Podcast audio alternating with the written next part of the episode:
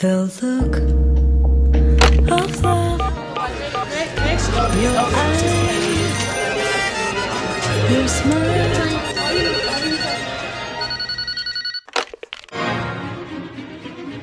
Colores alienígenas. En mi casa, allá en Junín, provincia de Buenos Aires, había cosas solo para uso de mi padre. Un juego concreto de cubiertos solo se le ponía a él. Compraba en la casa del fumador un gel caro, de aroma varonil, muy rico, que le birlábamos al ducharnos. Y cuando se daba cuenta, reñía a mi madre que no podía contener la risa. y un sillón de oreja, forrado en terciopelo rubí. Jamás me senté en él. Siento curiosidad por saber cómo acaricia la piel de la espalda al terciopelo, sea color esmeralda, zafiro, topacio o rubí. Capítulo segundo. Texturas alienígenas.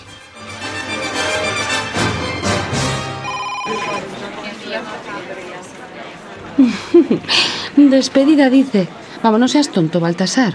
Por salirme al teléfono un tipo que ve colores con la música, anda ya. No estás bien, Florencia. Vete a casa. Bueno, vale, no te conté lo de mi padre, sí. Ha muerto anteanoche. Oye, ¿cómo era lo que tenía el pobre hombre de antes? Sinestesia. Ven, vete y descansa, por favor. Eso, sinestesia, eso. Bueno, pues a lo que iba. Oye, ¿y, y tú porque seas el coordinador tienes que enterarte de toda mi vida? Porque soy el coordinador. No puedo permitir que una operadora pierda el control durante una venta potencial con el cliente al teléfono. Vete a casa. ¿Qué hora? No me salen las lágrimas. Es curioso. Por eso sé que estoy bien. Y no he perdido el control. No inventes. Un numerito de duelo calabrés no has montado, desde luego. Eso sería lo lógico. Pero no. Delante de mí, en plena preparación de una venta, comunicas al mundo que tu padre, al que no ves desde hace años, ha muerto. Como si hablaras de elegir color para tu habitación. ¿Qué cara habrá puesto don Antón? ¿Se llamaba? Bueno, no quiero imaginar que te quedes trabajando y esto se repita. Estoy bien. Grabamos otra llamada, venga. Ya verás cómo... ¿Ves? Ni siquiera me escuchas. Vete a casa. Ay, puedes guardarte la grabación del petardo ese que oye raso rojo o yo qué sé. Las tonterías esas que contaba. Sí. Puedes no enseñársela a los supertacañeros. Eh, eh, habla más bajito, por favor. Mira, no se la voy a enseñar porque te acabo de despedir. ¿Eh? Si te quedas, tendré que darles tu control de llamadas. Oirán esa joya sonora y te despedirán ellos. Elige. ¿Qué más me da que me despida el uno o los otros? Si espero a los supertaca... A los jefes, perdón, gano tiempo. Unos días más de sueldo. Dinerito para mí, déjame. Si solo yo sé lo que ha pasado, te despido ahora y en la próxima campaña de contratación entras de nuevo. Si esto lo oyen arriba, olvídalo, ¿eh? Solo tres meses, Florencia. Es verano. Pon copas en un bar y llora en tu casa. Y en septiembre vuelve. A mi casa. Eso es cruzar el charco. Si no tuve dinero para hacerlo cuando podía salvar a mi padre, imagínate ahora. Me refería a tu casa de aquí. Me refería a que te Porque tenía leucemia, ¿sabes? ¿Sabes cómo se cura la leucemia? Oh, sí, la leucemia se cura. Solo hace falta un trasplante de médula. Alguien compatible que la done, que suele ser de la familia más cercana. Es un proceso doloroso y caro, por supuesto, pero el enfermo, en un alto número de casos, se cura. Sí. Lástima, porque sí se encontró donante compatible. De su familia más cercana había un donante, una donante. Estaba lejos, en Europa, pero había, había. ¿Y qué le pasa a todo el mundo? ¿Qué andan mirando? Todo el mundo ha paralizado su actividad bajo la hiriente luz de neón en el entresuelo sin paredes divisorias que ocupa Telinoperadores SL. Todos miran a Flora. Todos la compadecen. Vete a casa. ¡Eh, gente, gente! Que no pasa nada, ya está.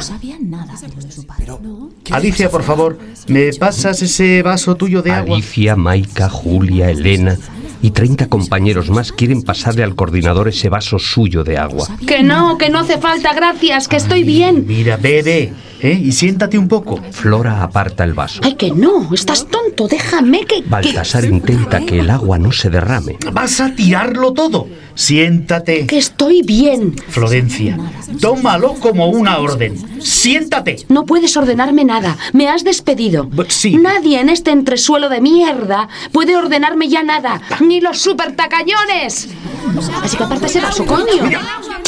Todo el agua del vaso va a parar a un escritorio sobre el que alguien colocó un alargador eléctrico, al que están enchufados varios aparatos.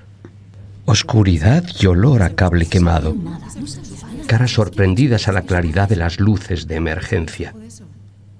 En Telinoperadores SL ahora miran hacia la puerta de dirección donde se oye decir Señorita, ¿eso de los supertacañones se estaba refiriendo a mí?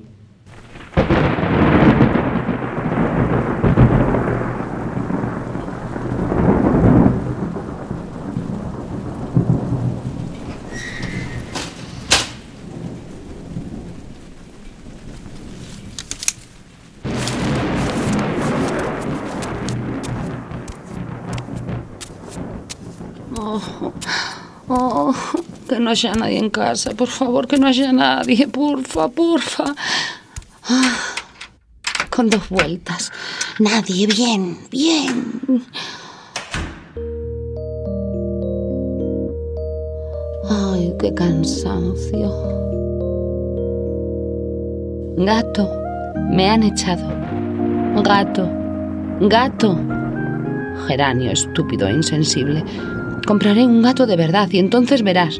No, no, porque gastar un euro. Traigo uno del callejón que sabe buscarse la vida al solo. Y traerá pegadas al pelo más flores de las que has dado tú en tu vida, desagradecido. Porque tú, gato, recién arrancado, eras un esqueje precioso, lleno de florecitas aterciopeladas de color rubí. ¡Ay! ¿Cómo me gustaría oír ahora mismo el maldito canon de Pachebel entero, no solo el maldito trozo de la maldita grabación de la malditísima Telinoperadores SL. Ay, violín, terciopelo rubí, terciopelo rubí acariciando la espalda. Gato, no he derramado ni una lágrima por lo de mi padre. ¿Tú lo entiendes? Nada. Y hoy, en el teléfono, un viejito. Bueno, hasta mañana. Iré temprano al curro. Si consigo colarme, saco del ordenador el teléfono de ese loco. Que me cuente todas las cosas que hay dentro del canon.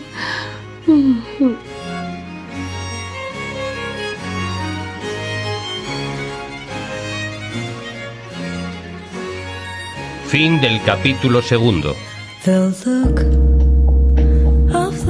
Colores alienígenas. Guión original de José María Trujillo Garrido. Flora, Carmen San Esteban. Baltasar, José Ande Miguel. Antón, Juan Mieg. Narrador, José Ruiz de Azúa. Dirección, Carmen San Esteban. Ayudante de dirección, Enrique Loyola. Música, Jimmy Vidaurreta.